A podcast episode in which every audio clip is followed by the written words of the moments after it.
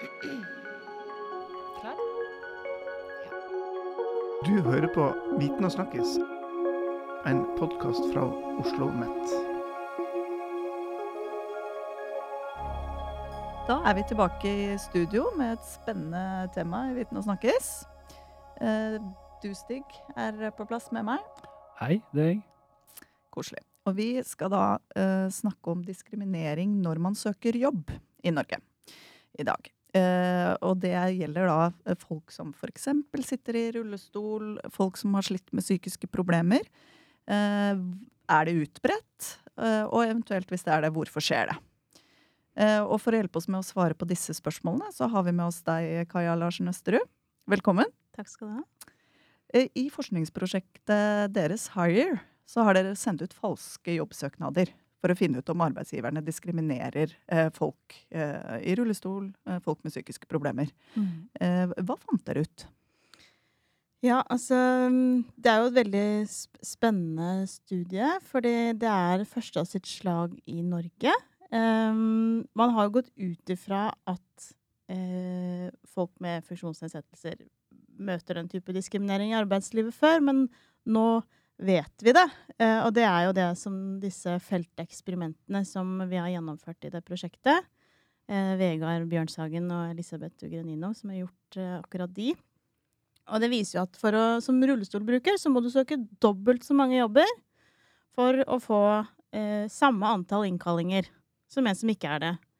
Mens hvis du oppgir at du har eh, hatt en periode med psykiske helseproblemer, så må du søke 1,4 eh, mange ganger så, eh, så mange jobber. Oi, det er ganske høye tall. Ble dere overrasket over? Ja, over det? altså mm, Det med psykiske helseproblemer ligner litt mer på den raten som vi har sett på andre ting, som for eksempel på at man har et eh, utenlandsklyddende navn, men den Mm. Særlig den på rullestol, den var veldig høy, syns vi. Og dette er jo til jobber som eh, er sittende jobber. Em, det er søkt på eh, administrasjon, regnskap, kundeservice, eh, salg, sekretærjobber. Eh, sånn at det skal jo ikke kreve bein for å ha de altså bein du kan gå på for å kunne ha de jobbene. Og likevel så ser vi den ganske høye diskrimineringsraten, da. Men gjaldt dette med det privat sektor, eller? Dette her var bare privat sektor. Eh, og det er jo fordi felteksperiment er jo en metode som er svært eh, omfattende. Du lager jo eh, fiktive søknader Ja. til ekte jobber. Eh, og i offentlig sektor så har du disse portalene som gjør at du må registrere og lage veldig mange profiler for å få til det, det omfanget som du gjør her. Da. Så derfor så har jeg vært tvunget til å bare gjøre det i privat sektor.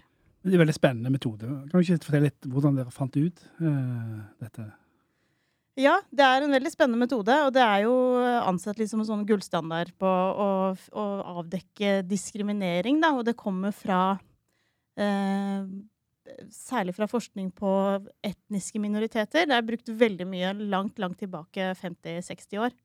Så det er jo litt nytt da, at man bruker det på eh, funksjonsnedsettelse, og det er jo første gang det er gjort i Norge. Så er, du har jo lignende resultater fra USA og Belgia, eh, Canada.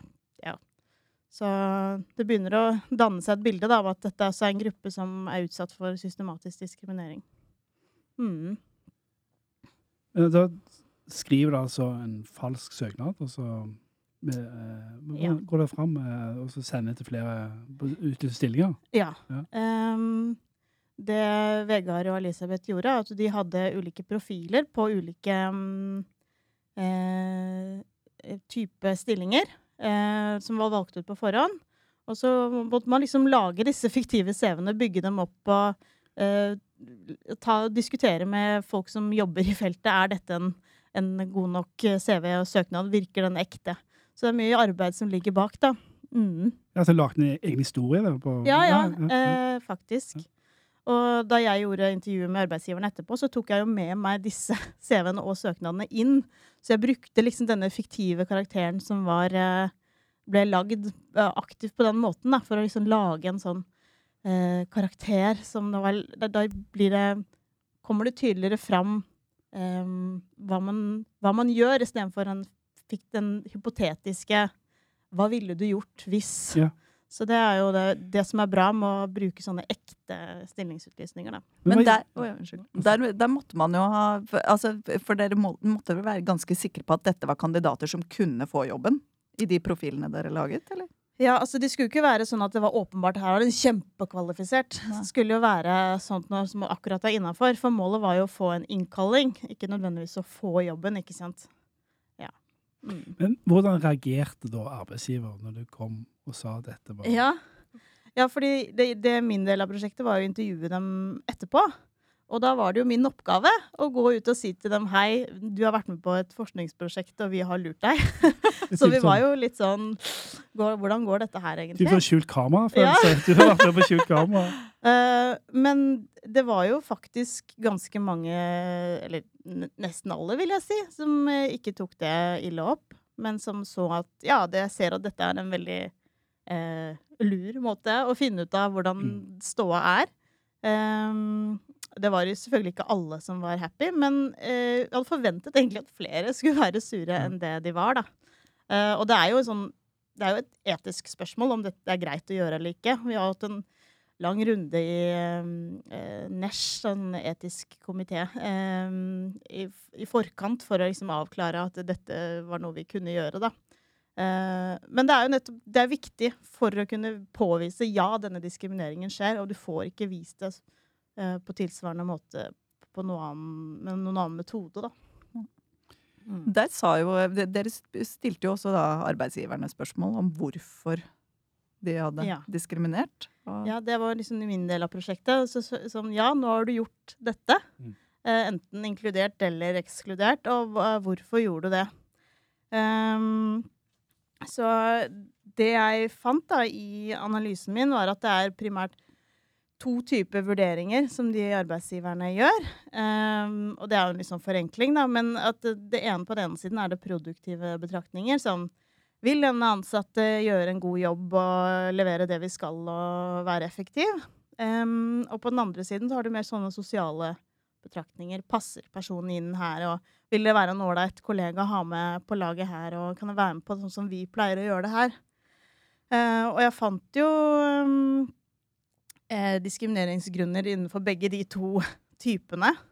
Um, på, både på rullestol og på, på psykiske helseproblemer. Um, men også på det sosiale. Uh, det var jo litt forskjellig, da. For eksempel på dette med rullestol så var det en bekymring som kom at, vi, vi pleier å dra veldig mye ut på hytta, eller vi drar eh, på sånn teambuilding-greier, og, og da blir det veldig vanskelig å ha med noen i rullestol. Og det, ble det var en sånn sosial betraktning, da, som ble brukt som en ekskluderingsårsak. Det er litt sjokkerende å høre. egentlig. Ja, det, er, det var litt overraskende for meg, uh, det. Uh, særlig at de var så åpne om det. da, At nei, vi bare vi, det, det gikk ikke, på en måte. Så derfor så kunne vi ikke ha med vedkommende. Men var det mest eh, Altså brukte de den sosiale begrunnelsen mest, eller? eh?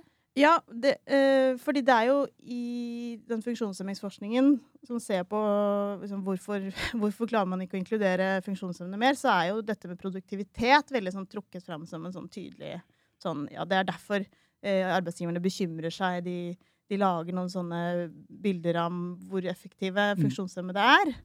Eh, mens det jeg fant, var jo kanskje at det var mer de sosiale tingene som de var eh, bekymra for, da. Eh, så det var jo kanskje en litt sånn litt overraskende funn. Og jeg tror det er ganske viktig funn, som denne metoden kanskje hjalp til å finne fram til. Men sa arbeidsgiverne noe om hva, altså, hva, hva kunne hjelpe her? Altså, hva hadde fått dem til å tenke annerledes? Um, nei, altså Det er ikke godt å si, egentlig. Eh, eh, jeg, tror, jeg tror ikke jeg spurte det spørsmålet direkte. Jeg stilte vel mer sånn spørsmål om hvordan skal vi få flere funksjonshemmede inn i arbeidslivet. Mm. Um, Hva sa de da? Ja, og da var det jo alt fra noen nei, vi burde må bli mer åpne, eh, til eh, ja, jeg trenger å få lønnstilskudd. Ehm, så Ja, men lønnstilskudd for å reise på teambuilding er Ja, nei, ikke sant? Ja. Så det jeg tror vi trenger, da, er jo kanskje et samfunn som, hvor, eh, som er tilgjengelig. Hvor det å dra på teambuilding ikke er noe problem, for du vet at her kommer man fram med rullestol uansett. Sånn at eh, det blir dumt å tenke at inkludering er noe som bare skjer i arbeidslivet. Det, det er noe som skjer på alle arenaene eh, samtidig, egentlig. Kan det òg være det sånn fremmed, at de har kontakt med så mange som har eh, funksjonsnedsettelse? At det er ukjent? Ja. Jeg tror det. Altså, særlig på det, det er sånn slående forskjell egentlig på det materialet med rullestol og det med psykiske helseproblemer. For på, i det materialet med eh, søkerne hadde psykiske helseproblemer, så hadde de jo masse erfaring. Ja, jeg, jeg, noen hadde personlig erfaring med seg selv eller med eh, familie eller venner, eller de hadde hatt en ansatt. og- Mens med rullestol så var det sånn Nei, det har jeg egentlig ikke vært noe særlig borti. Eh, så det er nok litt sånn noe som folk syns er litt uh, mer sånn normbrytende, kan du si. Ja, det tror jeg. Men det med psykisk sykdom, da? Hva sa de der, da? Begrunnelser? Eh, Ja, altså de, de trakk jo fram en del sånne vanlige stereotypier om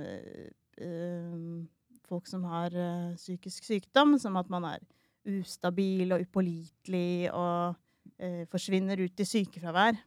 Så en del litt sånne ja, eh, ordinære stereotypier. Sånne stigmatiske eh, ja, oppfatninger da, av eh, psykisk sykdom. Um, ja. Var det noe, noe mer av det de sa som overrasket deg? Altså eksempler de trakk frem, for, eksempler, for eksempel? Altså, var det noe du tenkte oi, det, det var bra vi fant ut, for det, det her visste vi ikke fra før. Eh, nei, det, det er nok det med de sosiale betraktningene, altså. Hvor viktig det er. Og det påvirker jo også hvordan man skal angripe dette politisk. For det nytter jo ikke med lønnstilskudd hvis det er eh, de sosiale betraktningene som veier tyngst. Um, det er spennende. ja. Hva, hva, kan man gjøre med dette? Hva, hva, hva kan myndighetene gjøre med å legge til rette for dette? Ja, altså eh, eh, arbeidsmarkedstiltak, de må de tenker jeg de må utformes kanskje i større grad med den kunnskapen om at en viktig barriere er nettopp disse fordommene, da.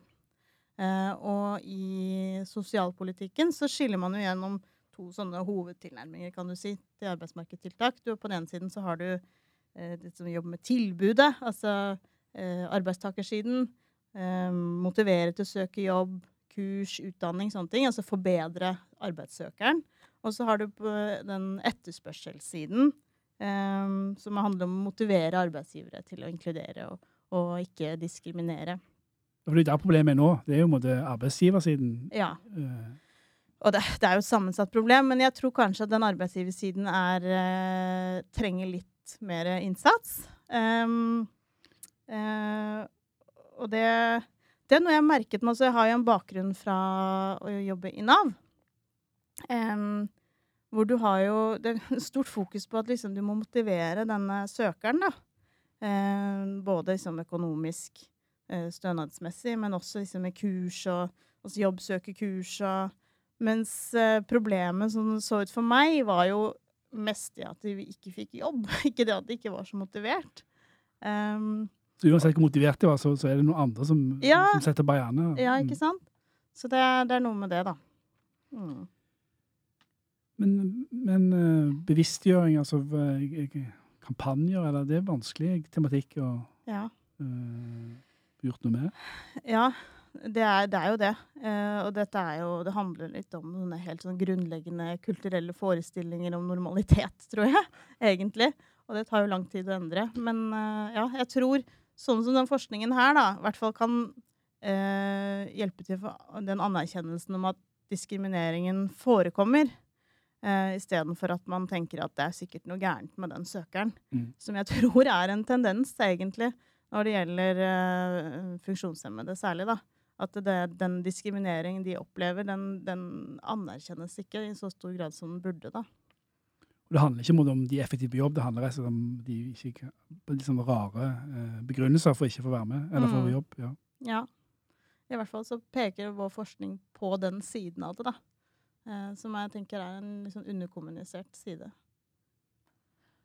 Helt til slutt, altså, nå har jo du fått en ganske unik innsikt i hva, hvordan arbeidsgivere tenker rundt Mm. dette. her. Altså, har du noen konkrete råd til personer som da sitter og har en funksjonsnedsettelse og skal søke jobb? Er det noe, Ja. noe du tenker er lurt?